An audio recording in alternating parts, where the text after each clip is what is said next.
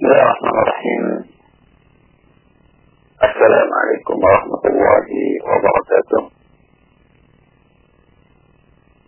الحمد لله وحده والصلاة والسلام على من لا نبي بعده أما ucap syukur kepada Allah Subhanahu wa taala pada kesempatan pagi yang cerah ini kita masih kembali taufik dari Allah Azza wa Jalla sehingga kita bisa melakukan kajian yang kita harapkan. Allah berkenan untuk melimpahkan kepada kita ini yang bermanfaat. Sehingga kita bisa amalkan sebagai bekal untuk menghadap kepada Allah Azza wa Jalla amin ya rabbal alamin. Salam dan salam semoga saya tersanjungkan ke Nabi besar kita Muhammad sallallahu alaihi wasallam kepada para sahabatnya, keluarganya dan umatnya yang mengikuti tuntunannya hingga akhir nanti. Para pendengar sekalian yang kami hormati, siapakah di antara kita yang tidak mengharapkan syafaat? Bagaimana tidak? Bagaimana tidak kita mengharapkan syafaat? Sedangkan perjalanan sangat jauh. Kemudian bekal kita sangat sedikit. Kemudian nanti penghitungan amalan sangat susah. Namun yang jadi pertanyaan, apakah setiap orang yang menginginkan untuk mendapatkan syafaat, dia mesti akan mendapatkannya? Apakah setiap orang yang meminta syafaat, mesti dia akan diberinya? Tentu jawabannya tidak. Tentu jawabannya tidak. Karena supaya seseorang mendapatkan syafaat, dia harus memenuhi syarat-syarat. Dan syarat-syarat tersebut seandainya seseorang berhasil memenuhinya insya Allah Allah akan berkenan untuk menegakkan kepada kita syafaat. Kebalikannya dalam siapa yang tidak memenuhi syarat-syarat tersebut bagaimana mungkin dia akan mendapatkan syafaat dengan mencermati dari dalil dari Al-Quran dan sunnah Rasul Sallallahu Alaihi Wasallam maka kita akan mengetahui bahwasanya untuk mendapatkan syafaat sekurang-kurangnya kita harus memenuhi tiga syarat. Sekurang-kurangnya kita harus memenuhi tiga syarat. Dan ya, insya Allah materi pengajian kita pada pagi hari ini syarat-syarat untuk mendapatkan syafaat. Kita mulai dari syarat yang pertama. Syarat yang pertama supaya kita bisa mendapatkan syafaat adalah adanya izin dari Allah Subhanahu wa taala. Adanya izin dari Allah Subhanahu wa taala bagi orang yang memberikan syafaat untuk memberikan syafaat. Adanya izin dari Allah Subhanahu wa taala bagi orang yang memberikan syafaat untuk memberikannya. Banyak dalil dari Al-Quran yang menunjukkan hal tersebut atau yang menunjukkan keharusan terpenuhinya syarat ini. Di antaranya adalah firman Allah Subhanahu wa taala dalam Al-Quran surat Al-Baqarah ayat 255. Di situ disebutkan di dalam ayat kursi من ذا الذي يشفع عنده إلا بإذنه من ذا الذي يشفع عنده إلا بإذنه siapakah yang akan memberikan syafaat di sisi Allah kecuali dengan izinnya yaitu dengan izin Allah Subhanahu wa taala. Jadi seseorang tidak akan bisa memberikan syafaat kecuali setelah dia mendapatkan izin dari Allah Subhanahu wa taala untuk memberikannya. Selama dia tidak mendapatkan izin dari Allah Subhanahu wa taala, maka dia tidak akan bisa memberikannya. Jadi supaya seseorang memberikan syafaat, dia harus mendapatkan izin dari Allah Subhanahu wa taala. Kenapa dengan firman Allah tadi firman Allah lainnya di dalam Al-Quran surat Yunus ayat 3. Kata Allah Subhanahu wa taala, "Ma min شفيع إلا من بعد إذنه setiap orang yang memberikan syafaat tidak akan memberikannya kecuali setelah adanya izin dari Allah Subhanahu wa taala. Setelah adanya izin dari Allah Subhanahu wa taala. Sama juga dengan atau semakna juga dengan ayat di atas firman Allah Subhanahu wa taala yang lainnya di dalam Al-Qur'an surat Thaha ayat 100. Di dalam Al-Quran surat Taha ayat 109 Allah subhanahu wa ta'ala berfirman يومئذ لا تنفع الشفاعة إلا من أذن له الرحمن ورضي له قوله يومئذ لا تنفع الشفاعة إلا من أذن له الرحمن ورضي قوله فتعريفه شفاعة تنفع kecuali siapa yang Allah beri izin baginya dan Allah ridai perkataannya. Kata Imam Al-Bawawi ketika beliau menafsirkan ayat terakhir ini, surah Taha ayat 109, ayat 109. تبليغ إلا من الله الرحمن يعني إلا من أذن له أن يشفع. أقل ذلك من الله السؤال عرانيا الله بريد فين ما خذنا لا. الله إلا ما خذنا لا. قرن إذا أذن من بريد فقط السؤال ستلاح من أفتن إذن dari Allah subhanahu wa ta'ala untuk memberikan syafaat dan izin itu kaitannya izin uh, bagi orang yang memberikan syafaat kemudian izin bagi orang yang akan memberi syafaat ini yang kedua.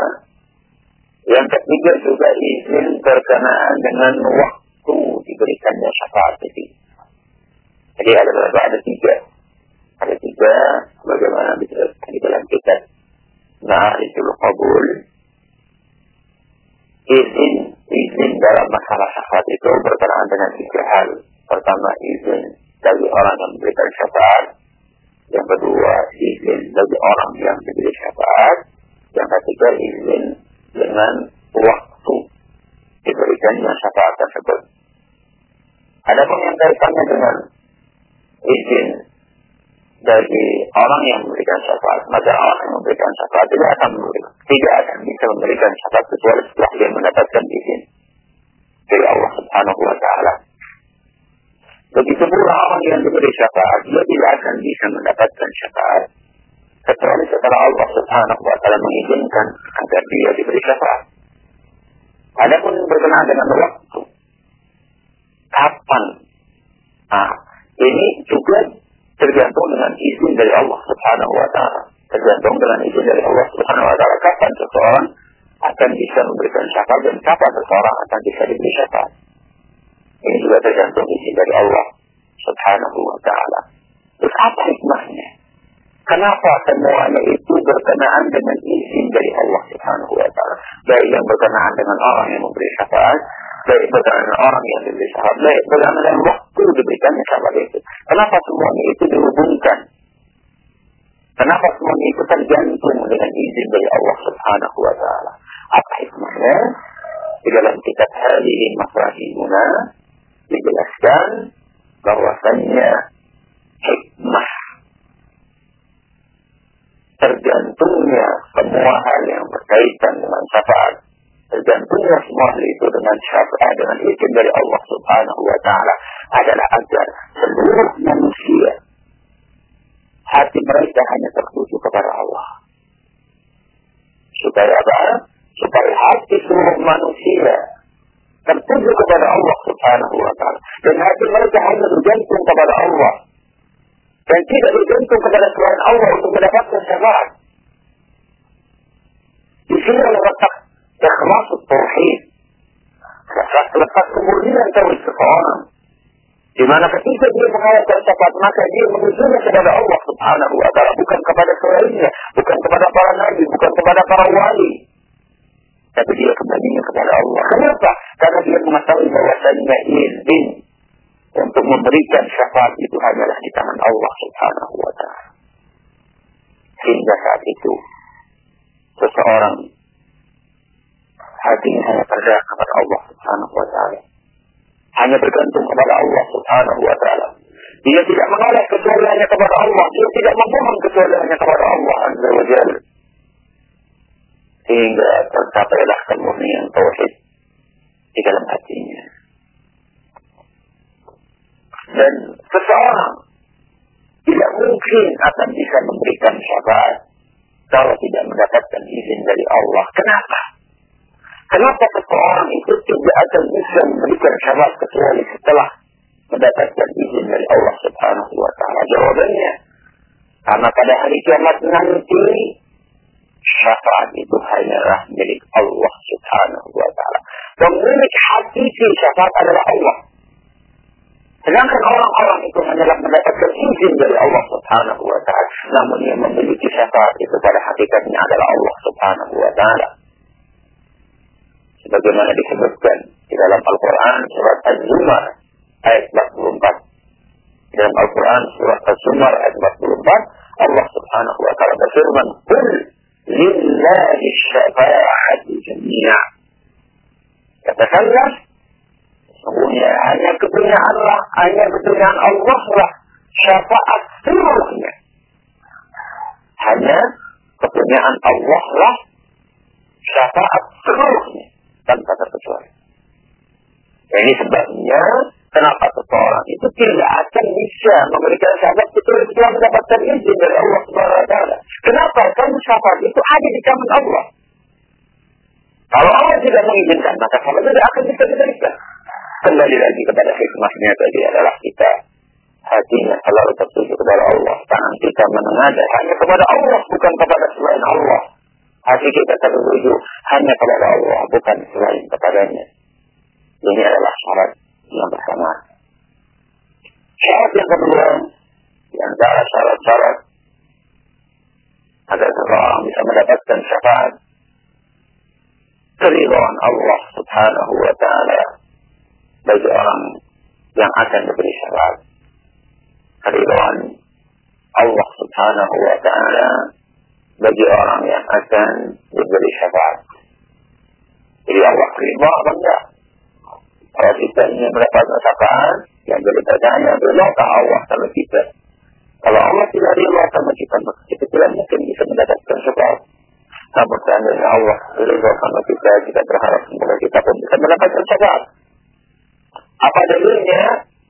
Syarat ini. Apa dalilnya? Syarat ini. Dalilnya adalah firman Allah Subhanahu wa taala dalam Al-Qur'an surat Al-Anbiya ayat 28.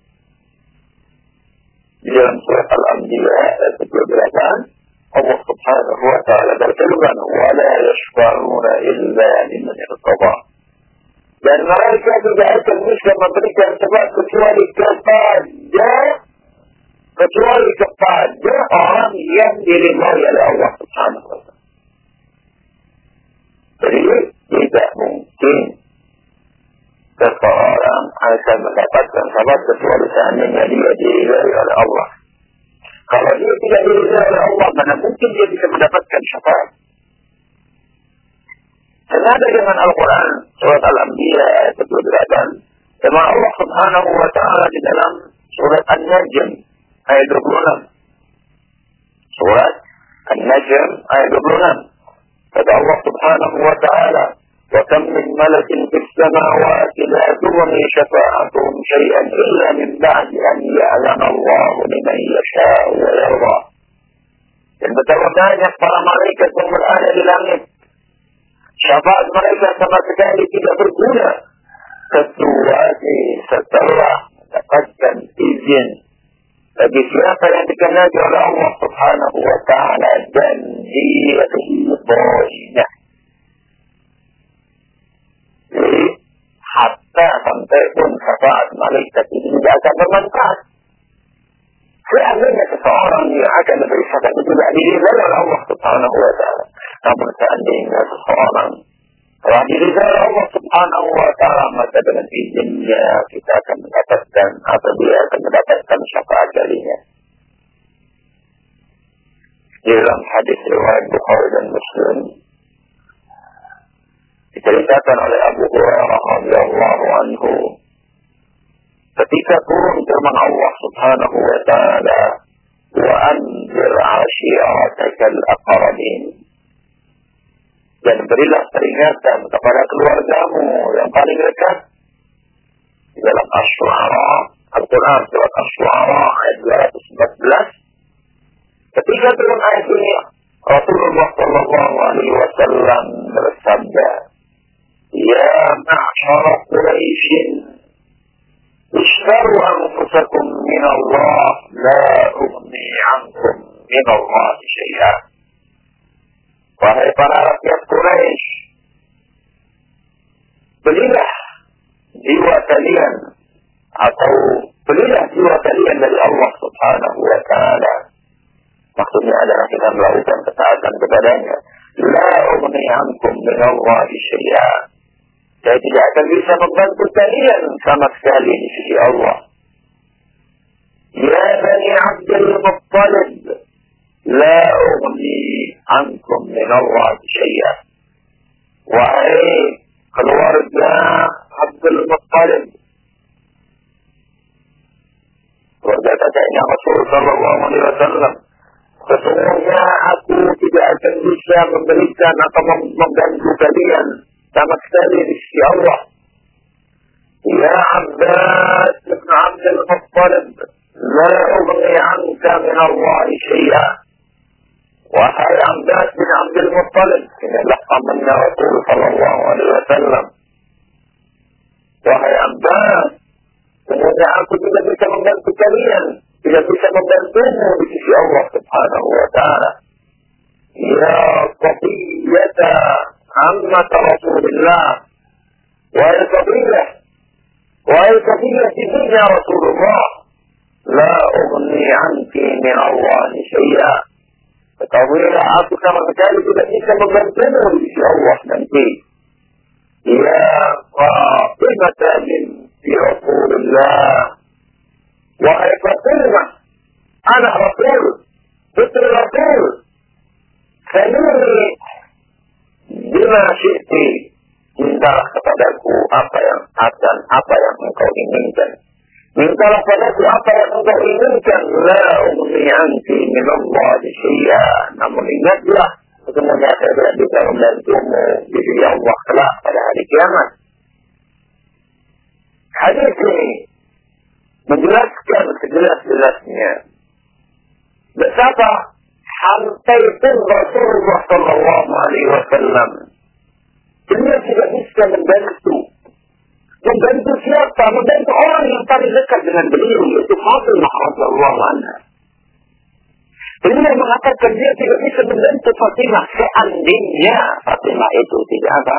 Tidak melakukan ketaatan kepada Allah Subhanahu wa taala. Jadi kunci adalah bukan pada bantuan seseorang kepada keluarganya, tapi kunci adalah bagaimana amalan seseorang. Bagaimana amalan seseorang. Inilah yang menentukan seseorang. Salah satunya yang menentukan seseorang mendapatkan syafaat atau tidak. Maka dari sini terlihatlah keseluruhan sebagian orang yang menggantungkan nasibnya kepada syafaat. Ah, saya kan saudaranya Anu. Saya kan keturunannya Wali Anu. Saya masih sah keluarga Anu. Saya ini masih Ahlul Bari. Saya ini Habib. Saya ini adalah keluarga Rasul. Nah, saya masih akan mendapatkan syafaat. Tidak. Sama sekali tidak kedekatan seseorang dengan orang yang mulia tidak akan bermanfaat kecuali setelah orang tersebut melakukan amal saleh. Jangan kira bahwasanya keturunan Nabi Shallallahu Alaihi Wasallam akan lebih mulia daripada orang biasa. Seandainya keturunan Nabi Shallallahu Alaihi Wasallam tadi tidak beramal saleh dan orang yang biasa tadi beramal saleh. Inna akramakum inda Allah atqakum. Sesungguhnya orang yang paling mulia di sisi Allah adalah orang yang paling bertakwa di antara kalian. Bukan berdasarkan nasab. Dan ini bukan sama sekali kita mengingkari adanya keistimewaan yang dimiliki oleh keluarga Rasulullah Shallallahu Alaihi Wasallam. Kita sebagai ahlu sunnah sepakat bahwasanya keluarga Rasulullah Shallallahu Alaihi Wasallam dan keturunannya mereka memiliki kedudukan yang mulia dan kita harus menghormati mereka. Namun jangan salah sangka bahwasannya kedekatan itu saja bisa menyelamatkan seseorang dari api neraka dan bisa mengantarkan dia untuk mendapatkan syafaat dari sisi Allah Subhanahu wa taala tidak sama sekali. Seseorang harus beramal. Seseorang harus beramal soleh, harus beribadah, bukan hanya menggantungkan kepada kekerabatan saja. Bukan hanya menggantungkan kepada keturunan saja. Kata salah seorang ulama, yang bernama Siddiq Hasan Khan. Kata beliau, "Faman za'an annahu min awladil anbiya." Barang siapa yang mengklaim bahwasanya dia adalah keturunan para nabi, atau min naslil awliya, atau dia mengaku bahwasanya dia adalah keturunannya para wali, atau min aqabil a'immah, atau dia merasa bahwasanya dia adalah anak-anaknya para imam atau min akhlaqi syuhada atau dia adalah saudaranya para orang-orang yang mati syahid atau min talamizati syekh al-fulani wal kabir al-fulani atau dia mengaku bahwasanya saya adalah muridnya Syekh Anu dan pembesar Anu وأنهم ينفعونهم في النجاة من عذاب الله في اليوم الآخر. لما يتم يجيب أن الله أنتبه قال نبي قال والي قال إمام قال الشهيد قال الشيخ فيتم يجيب أن الله أنتبه حتى memberikan المنفعة buat mereka dalam menyelamatkan dari azab Allah di hari akhirat. ويشفعون لهم في الخلاص من الحساب والكتاب والعقاب dan orang-orang tadi akan memberikan syafaat bagi mereka supaya mereka terhindar dari hisab dan hukuman serta catatan dari Allah Subhanahu wa taala وأنه يغفر له ذنبه ويعطى عنه mereka meyakini bahwasanya mereka akan diampuni dosa-dosanya dan dimaafkan kesalahan-kesalahannya di wajahati haula'il kiram wa qarabatihim naslan aw sukhara karena apa? akan diampuni lantaran kedudukan orang-orang yang tersebut, kedudukan orang-orang tersebut yang terhormat, dan kedekatan mereka dengan orang-orang tersebut, fahuwa mazhurun jahilun an madarik syarah. Maka dia adalah termasuk orang-orang yang tertipu dan orang-orang yang jahil yang tidak tahu tentang hikmahnya syariat. Mahrumun min fiqhil ahkam dia terhalang dari pengetahuan tentang hukum-hukum syar'i. Dan ini harus dicamkan di dalam hati kita sedalam-dalamnya. Kedekatan kita dengan seseorang. Kekerabatan kita dengan orang yang mulia. Seandainya tidak diiringi dengan amal soleh dari kita, maka hal itu tidak bermanfaat wahai para pendengar yang beriman. Ini adalah syarat yang kedua. Ada pun syarat yang terakhir atau syarat yang ketiga adalah hendaknya orang yang harusnya orang yang diberi syafaat itu adalah seorang yang bertauhid. Seorang yang bertauhid. Jadi syarat yang ketiga orang yang diberi syafaat itu adalah harus orang yang bertauhid. Mengapa? Karena hubungannya dengan syarat yang kedua. Jadi syarat yang kedua disebutkan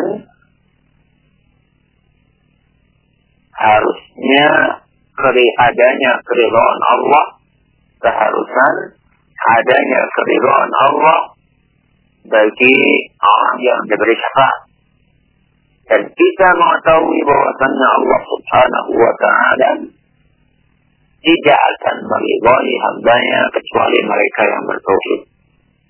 Allah tidak akan meridhai hambanya kecuali orang yang bertauhid. Dan itu jauh hari sudah dijelaskan oleh para ulama. Jauh hari sudah dijelaskan oleh para ulama. Berdasarkan dalil-dalil dari sunnah Rasul Sallallahu Alaihi Wasallam. Di antara para ulama yang menjelaskan hal tersebut adalah Imam Al-Iraqi. Al-Hafiz Al-Iraqi.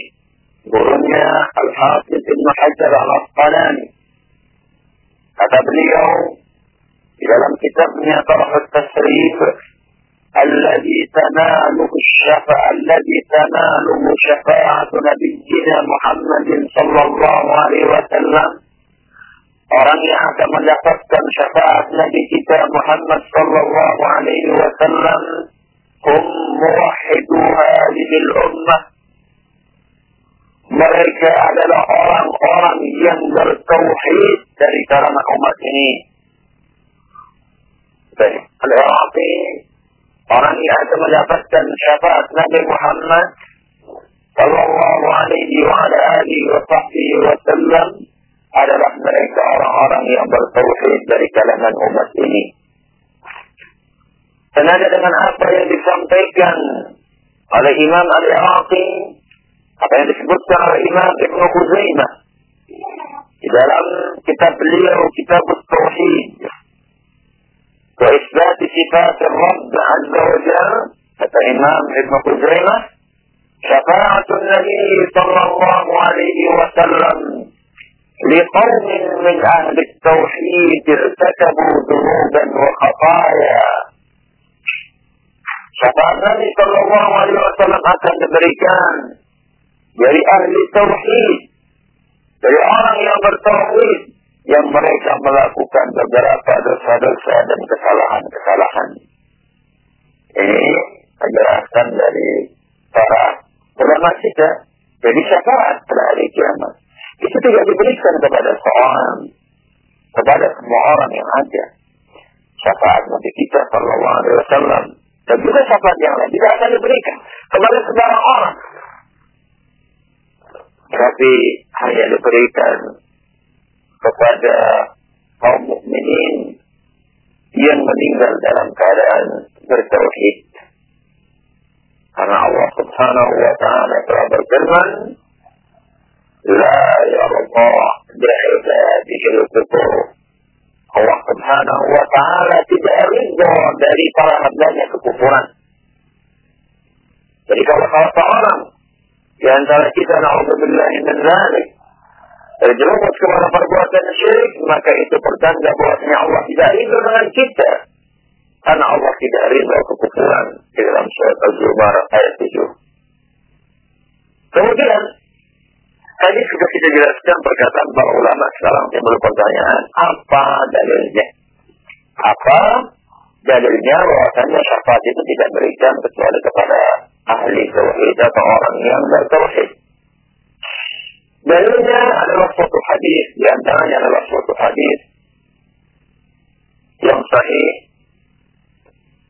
dari Abu Hurairah radhiyallahu anhu beliau berkata ya Rasulullah Man as'adun nasi bi syafa'atika yawmal qiyamah Wahai Rasul Siapakah orang yang paling berbahagia yang akan mendapatkan syafaatmu pada hari kiamat? Tanya Abu Hurairah kepada Rasulullah sallallahu alaihi wasallam. فقال رسول الله صلى الله عليه وسلم maka Rasulullah Sallallahu Alaihi Wasallam terus menjawab ketika ditanya dengan pertanyaan itu Nabi kita Sallallahu Alaihi Wasallam pertanyaan Abu Hurairah dengan berkata لقد ظننت أن لا يستغني عن هذا الحديث أحد أول منك Wahai Abu Hurairah, Saya sudah menyangka. Saya sudah memprediksi. Jika ada seorang yang bertanya tentang hal ini sebelum engkau. Jadi ternyata ketika Abu Hurairah bertanya kepada Rasul Shallallahu Alaihi Wasallam dengan pertanyaan tadi, Rasul Shallallahu Alaihi Wasallam menjawab, wahai Abu Hurairah, saya sudah mengira bahwasanya yang akan tanya pertanyaan ini adalah engkau. Kenapa Rasul engkau sudah mengira? Lima ra'aitu min hirsika ala al-hadith. Karena saya tahu persis sangat semangatnya engkau wahai Abu Hurairah dalam bertanya tentang hadis. Jadi memang Abu Hurairah adalah orang yang apa? Yang sangat uh, bersemangat untuk mencari hadis Nabi Shallallahu Alaihi Wasallam. Kemudian Rasulullah Shallallahu Alaihi Wasallam menjawab pertanyaan Abu Hurairah. As'adun nasi syafaati yawmal qiyamah. Orang yang paling berbahagia untuk mendapatkan syafaatku pada hari kiamat. Man qala la ilaha illallah. Dalam siapa yang berkata la ilaha illallah. Khalifan min qalbih. Ikhlas semata-mata dari hatinya. Ini menunjukkan apa? menunjukkan bahwasanya orang itu tidak akan mendapatkan syafaat kecuali seandainya dia bertauhid. Bukan hanya mengucapkan la ilaha illallah saja. Karena Nabi Sallallahu Alaihi Wasallam berkata, "Man qala la ilaha illallah khalisan, khalisan min qalbik." Ada mengatakan la ilaha illallah murni karena keikhlasan dari hatinya. Bukan sekedar diucapkan, tapi juga diucapkan dan dipraktekkan.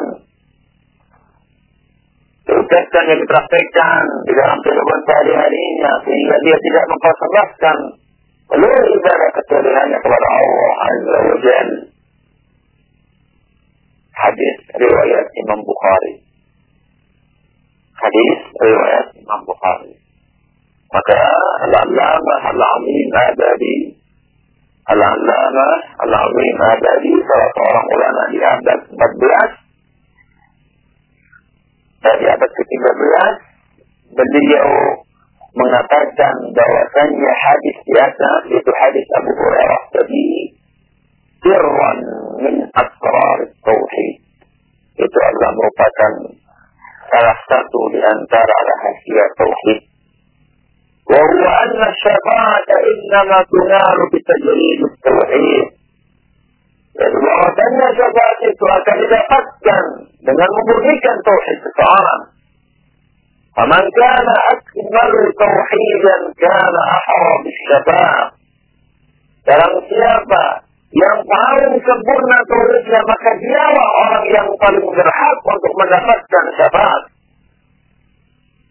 Itu salah satu rahasia dari tauhid. Dalam siapa yang tauhidnya semakin sempurna, semakin murni, semakin luruh, maka dia pun semakin besar kansnya untuk mendapatkan syafaat.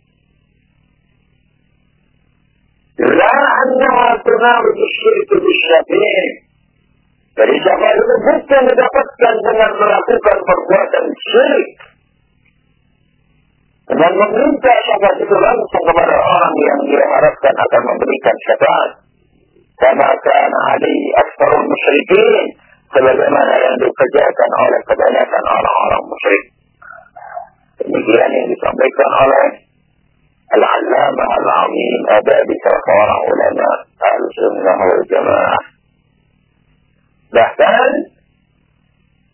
ada di antara hadis Nabi Sallallahu Alaihi Wasallam yang jelas-jelas menyebutkan bahwasannya syafaat itu tidak akan diberikan kepada orang yang melakukan perbuatan syirik. Bagaimana Di dalam, di dalam hadis yang diriwayatkan oleh Imam Muslim,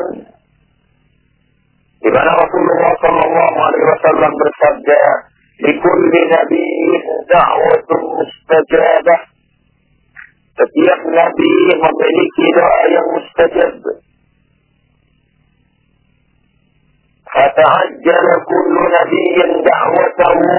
Setiap nabi masing-masing mereka sudah mempergunakan doa mereka yang mustajab tadi.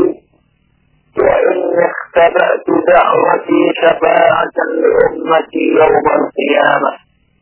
Adapun aku doa yang mustajab tersebut aku simpan akan aku pergunakan nanti pada hari kiamat agar aku bisa memberikan syafaat kepada umatku.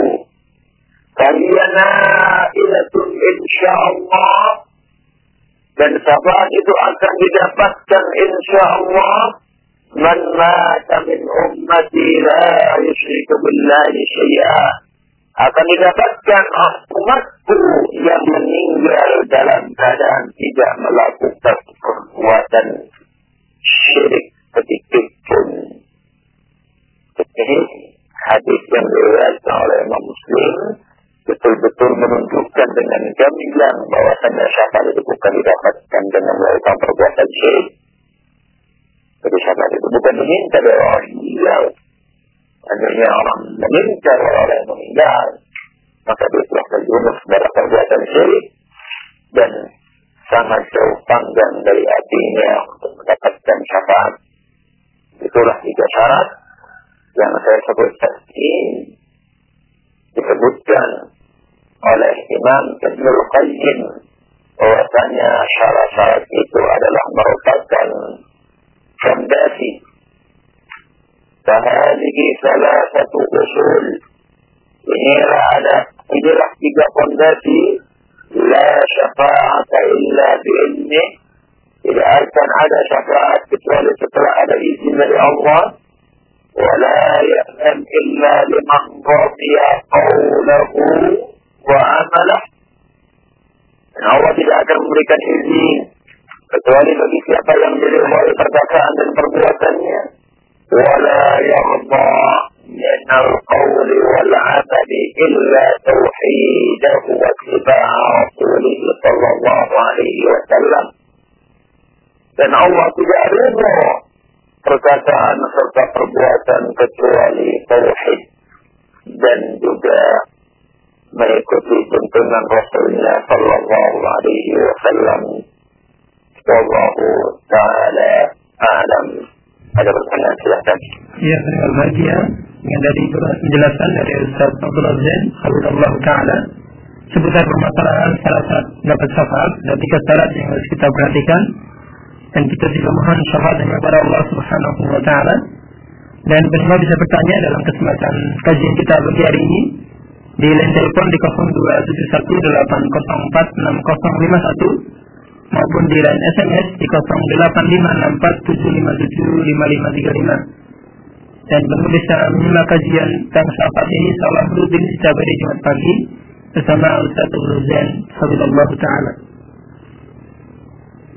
Kita ke pertanyaan dari pendengar kita yang telah masuk di line SMS di 085647575535 atau pendengar lain yang ingin bertanya langsung bisa di line telepon 3218046051. Ya, Assalamualaikum. Waalaikumsalam. Nah, dari siapa ya? Ya. Dari Bapak siapa? Dari Abu Faizah. Ya, silakan. Mau tanya untuk soal apa ini, apakah bisa minta minta apa pada uh, seorang yang berilmu lebih eh, ilmu agamanya lebih uh, bisa dipercaya tapi dia masih hidup gitu. Itu aja. Assalamualaikum. Ya. Untuk saat ini syafaat tidak tetap dari Allah Subhanahu wa taala? Untuk saat ini syafaat tetap diminta dari Allah Subhanahu wa taala bukan dari orang yang kita prediksikan bisa memberikan syafaat misalnya orang yang berilmu, orang yang berilmu agama misalnya. Kenapa? Kembali kepada penjelasan tadi bahwasanya syafaat adalah milik Allah Subhanahu wa taala. Yang kedua, di antara alasannya adalah tahukah kita dapatkah kita memastikan bahwasanya orang yang kita minta syafaat dia akan bisa memberikan syafaat pada hari kiamat nanti. Jika hanya berdasarkan prediksi saja, oh orang ini oleh, maka insya Allah dia akan bisa memberikan syafaat. Itu kan masih prediksi. Dan kita tidak bisa memastikan apakah orang ini betul bisa memberikan syafaat.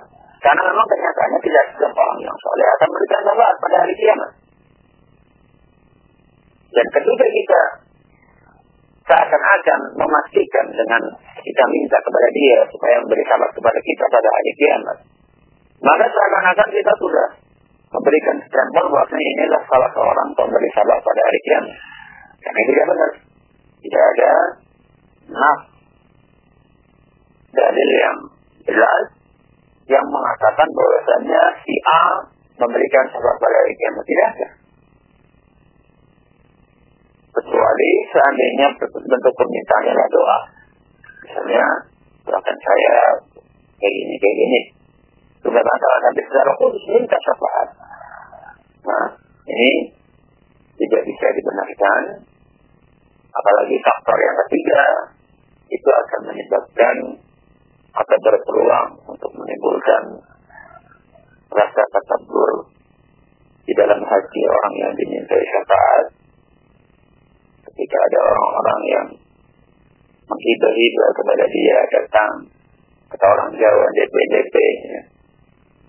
jadi minta minta-minta kepada dia supaya diberi syafaat karena kelamaan bisa jadi orang yang harus tadi akan timbul atau akan menyelinap di dalam hatinya rasa takabur, rasa rasa takjub kepada diri sendiri karena dia merasa oh, ternyata saya adalah orang yang baik ya karena uh, ada orang yang minta-minta kepada saya syafaat itu menunjukkan bahwa saya adalah orang soleh. Tidak bahaya bagi hati orang yang dimintai syafaat tadi. Ya silakan kita yang berikutnya. Ya kita sekali kesempatan bagi pendengar yang ingin langsung pada satu Abdul seputar masalah syafaat di line telepon 0271804651 dan juga bisa di line SMS di 085647575535. Kita ada satu pertanyaan dari SMS Ustaz. Mereka menanyakan ada banyak orang mengingkari syafaat dengan dalil ayat yauma la tanfa'u syafa'atu syafi'in. Bagaimana kita menjelaskan ayat ini? Ya. Di dalam memahami Al-Quran, nah, di dalam memahami Al-Quran, kita harus memahami Al-Quran dalam konteksnya secara lengkap dengan memotong ayat tersebut sepotong-sepotong. Dengan memahami ayat tersebut sepotong-sepotong. Atau saya, ayat tadi yang disampaikan adalah ayat yang berbicara tentang orang-orang kafir berbicara tentang apa? Orang-orang kafir. Jadi memang betul pada hari itu tidak bermanfaat bagi mereka syafaat. Kenapa? Karena ada orang kafir. Ada pun orang yang beriman. Nah, ada pun orang yang beriman. Maka dia sangat berpeluang untuk mendapatkan syafaat. Sangat berpeluang untuk mendapatkan syafaat. Maka dari dulu-dulu kita sudah membahas bahwa syafaat itu akan diberikan bagi orang apa? Bagi orang yang bertauhid alias orang muslim yang tauhidnya lurus dalam arti tidak melakukan perbuatan syirik. Kalau dia melakukan perbuatan syirik atau perbuatan kufur, jelas dia tidak pernah untuk mendapatkan sakar. Maka ketika terjadi, nah, dia harus pernah dilihat konteksnya ayat tersebut sedang berbicara tentang apa. Sedang berbicara tentang orang kafirkah atau berbicara tentang orang Islamkah. Itu harus di hormati. Ya, saudara lain. Ya kita kembali di line telepon di 0271 804 6051. Gimana ada yang bertanya langsung? Kita buka ke telepon yang berikutnya. Assalamualaikum. Waalaikumsalam warahmatullahi Dengan siapa ya di mana? Dengan Bu Hasan. Ya silakan. Ustaz. Oh banyak. Besok dari kiamat. Itu kan Allah mementingkan mizan. Minimal amal itu. Yang berat timbangan amal jeleknya dia masuk neraka. Yang berat timbangan amal jeleknya dia masuk surga. Lalu bagaimana kisah antara orang yang akan masuk surga dengan orang-orang yang sudah terlanjur masuk neraka. Mohon dijelaskan.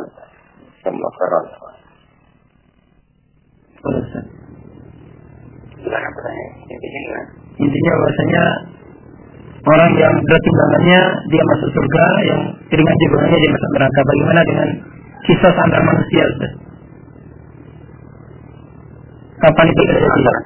Kisah kisah antar manusia benar-benar tidak masuk surga dan masuk neraka, Ustaz. Oh ya tidak. Tidak, sebelum itu semua sudah ada kisah terlebih dahulu. Sehingga saya kisah itu adalah pertama kali. Hah? Makanya ada satu hadis yang mengatakan yang pertama kali uh, di, di, diselesaikan permasalahannya pada hari kiamat adalah fitina dalam masalah darah, masalah nyawa. Jadi masalah nyawa ini kan hubungannya antara manusia dengan manusia sampai-sampai Allah Subhanahu wa taala atau Nabi kita sallallahu alaihi wasallam untuk menggambarkan betapa adilnya Allah Subhanahu wa taala sampai dikatakan Nabi sallallahu alaihi wasallam pada hari kiamat nanti bukan hanya manusia saja tapi juga hewan hewan yang diceritakan dalam hadis adalah kambing yang uh, yang tanduknya itu patah karena uh, berkelahi dengan kambing yang lainnya, ini pun nanti akan dihisab. Dan ini adalah kejadiannya sebelum nanti seseorang dimasukkan ke dalam surga ataupun ke dalam neraka. Wallahu a'lam. Ya. Ya, kita buka pertanyaan berikutnya. Masih bersama kami dalam program kajian syafaat bersama Ustaz Abdul Huzain. Anda bisa bertanya langsung di telepon di 0218046051 maupun di line SMS di 085647575535. Selanjutnya di SMS menanyakan, Ustaz, bagaimana kita menjadi perkataan orang ketika khotib mengatakan ketika kita berselawat Nabi yang kita tunggu adalah syafaatnya pada hari kiamat. Gimana gimana? Ketika kita berselawat Nabi, Hmm? insya Allah kita akan menunggu syafaatnya di akhirat nanti. Bagaimana perkataan Ya. Ustaz? Ya, insya Allah diperbolehkan karena memang salah satu amalan yang bisa mengantarkan kita untuk mendapatkan syafaat adalah bersolawat. Dan ini adalah materi pengajian kita pada uh, minggu depan, yaitu amalan-amalan apa sajakah yang akan uh, mendatangkan syafaat bagi orang yang mengamalkannya. Dan ini adalah pembahasan khusus. Di antaranya memang adalah membaca salawat. Kata Rasul Sallallahu Alaihi Wasallam dalam satu hadis yang diriwayatkan oleh Imam Ahmad dan dinilai hasan oleh Syekh Mukbil رحمه الله تعالى. من صلى على محمد كان في أطيام الصلاة وقبل محمد. وقال اللهم أنزله المقعد المقرب عندك يوم القيامة. ويا الله تنبتنا نبيك في تنبت ينبتك يعني لسيسين تدى هذه القيامة وجبت له شفاعتي. دان شفاعتي دان شفاعتي maka dipastikan dia akan mendapatkan syafaatku ini hadis yang menunjukkan secara jelas secara gamblang bahwasanya hadis ini bahwasanya membaca salawat adalah merupakan salah satu amalan yang diharapkan bagi orang yang mengamalkannya akan mendapatkan syafaat. Jadi tidak masalah, tidak masalah. Seperti itu. Ya kita lain. Ya, pendengar di telepon silakan di 021804 6051. Assalamualaikum. Assalamualaikum. Waalaikumsalam warahmatullahi Ah, dari Afghanistan. Ya, terima kasih. Ah, jadi begini, Tat. Uh, Sunnah kita meyakini bahwa tentang adanya syafaat dan ini juga kita sangat mengharapkan adanya syafaat tersebut. Tapi di sisi lain ternyata ada sebagian dari saudara kita dan itu juga dalam ini syafaat saya ini apa namanya tentang tidak percayanya terhadap syafaat. Ya, pertanyaannya gini, pengujian terhadap syafaat ini apakah sudah termasuk pada pengujian yang keras akidah yang berat atau masih kepada yang tingkat maksiat saja. Insya Allah kita jalan atas jawabannya dari Allah. Assalamualaikum warahmatullahi wabarakatuh. Ya, ini pertanyaan yang uh, berulang-ulang. Ya sudah katakan bahwasannya mengingkari syafaat itu melihat hukumnya, hukumnya itu melihat kepada orang yang mengingkarinya.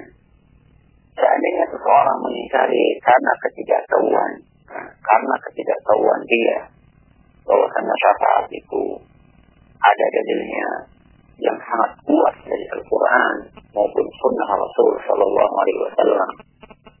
Dan hadis yang menunjukkan tentang syafaat itu sudah sampai derajat mutawatir. Ditambah lagi para ulama telah berijma tentang adanya syafaat. Seandainya orang yang mengingkari itu dalam keadaan tidak tahu tentang itu semua. Maka orang yang seperti ini diharapkan akan dimaafkan oleh Allah Subhanahu wa taala karena ketidaktahuan dia. Namun seandainya orang yang mengingkari itu adalah mengingkari dalam keadaan dia sudah tahu. Cuman karena fanatisme golongan, karena fanatisme tokoh, dia menolak hal itu maka orang tersebut sangat dikhawatirkan keimanannya. Sangat dikhawatirkan keimanannya. Kenapa? Karena dia mengingkari sesuatu yang telah menjadi ijma ulama yang itu berlandaskan dari dalil dari Al-Quran dan Sunnah Rasul Sallallahu Alaihi Wasallam. Saya kira cukup. Ya, saya kira cukup. Atas segala perhatiannya kami ucapkan terima kasih. Dan atas segala kekurangannya kami mohon maaf yang sebesar-besarnya. Subhanakallahumma wa bihamdika asyhadu an la ilaha illa anta astaghfiruka wa atubu ilaik. Wa sallallahu على نبينا محمد وعلى آله وصحبه أجمعين والسلام عليكم ورحمة الله وبركاته Waalaikumsalam warahmatullahi wabarakatuh. Dan khairan katsiran atas penjelasan dan waktunya dari Ustaz Abdullah Zain Dan kita bisa lanjutkan kajian syafaat kita pada hari Jumat yang akan datang di Radio Surah Quran 94.4 FM. Dan demikian program kita kesempatan bagi hari ini dan insya Allah setelah ini kita akan bersama Ustaz Abdullah Abdul Karim dalam program Tertilul Quran. Demikian, Assalamualaikum warahmatullahi wabarakatuh.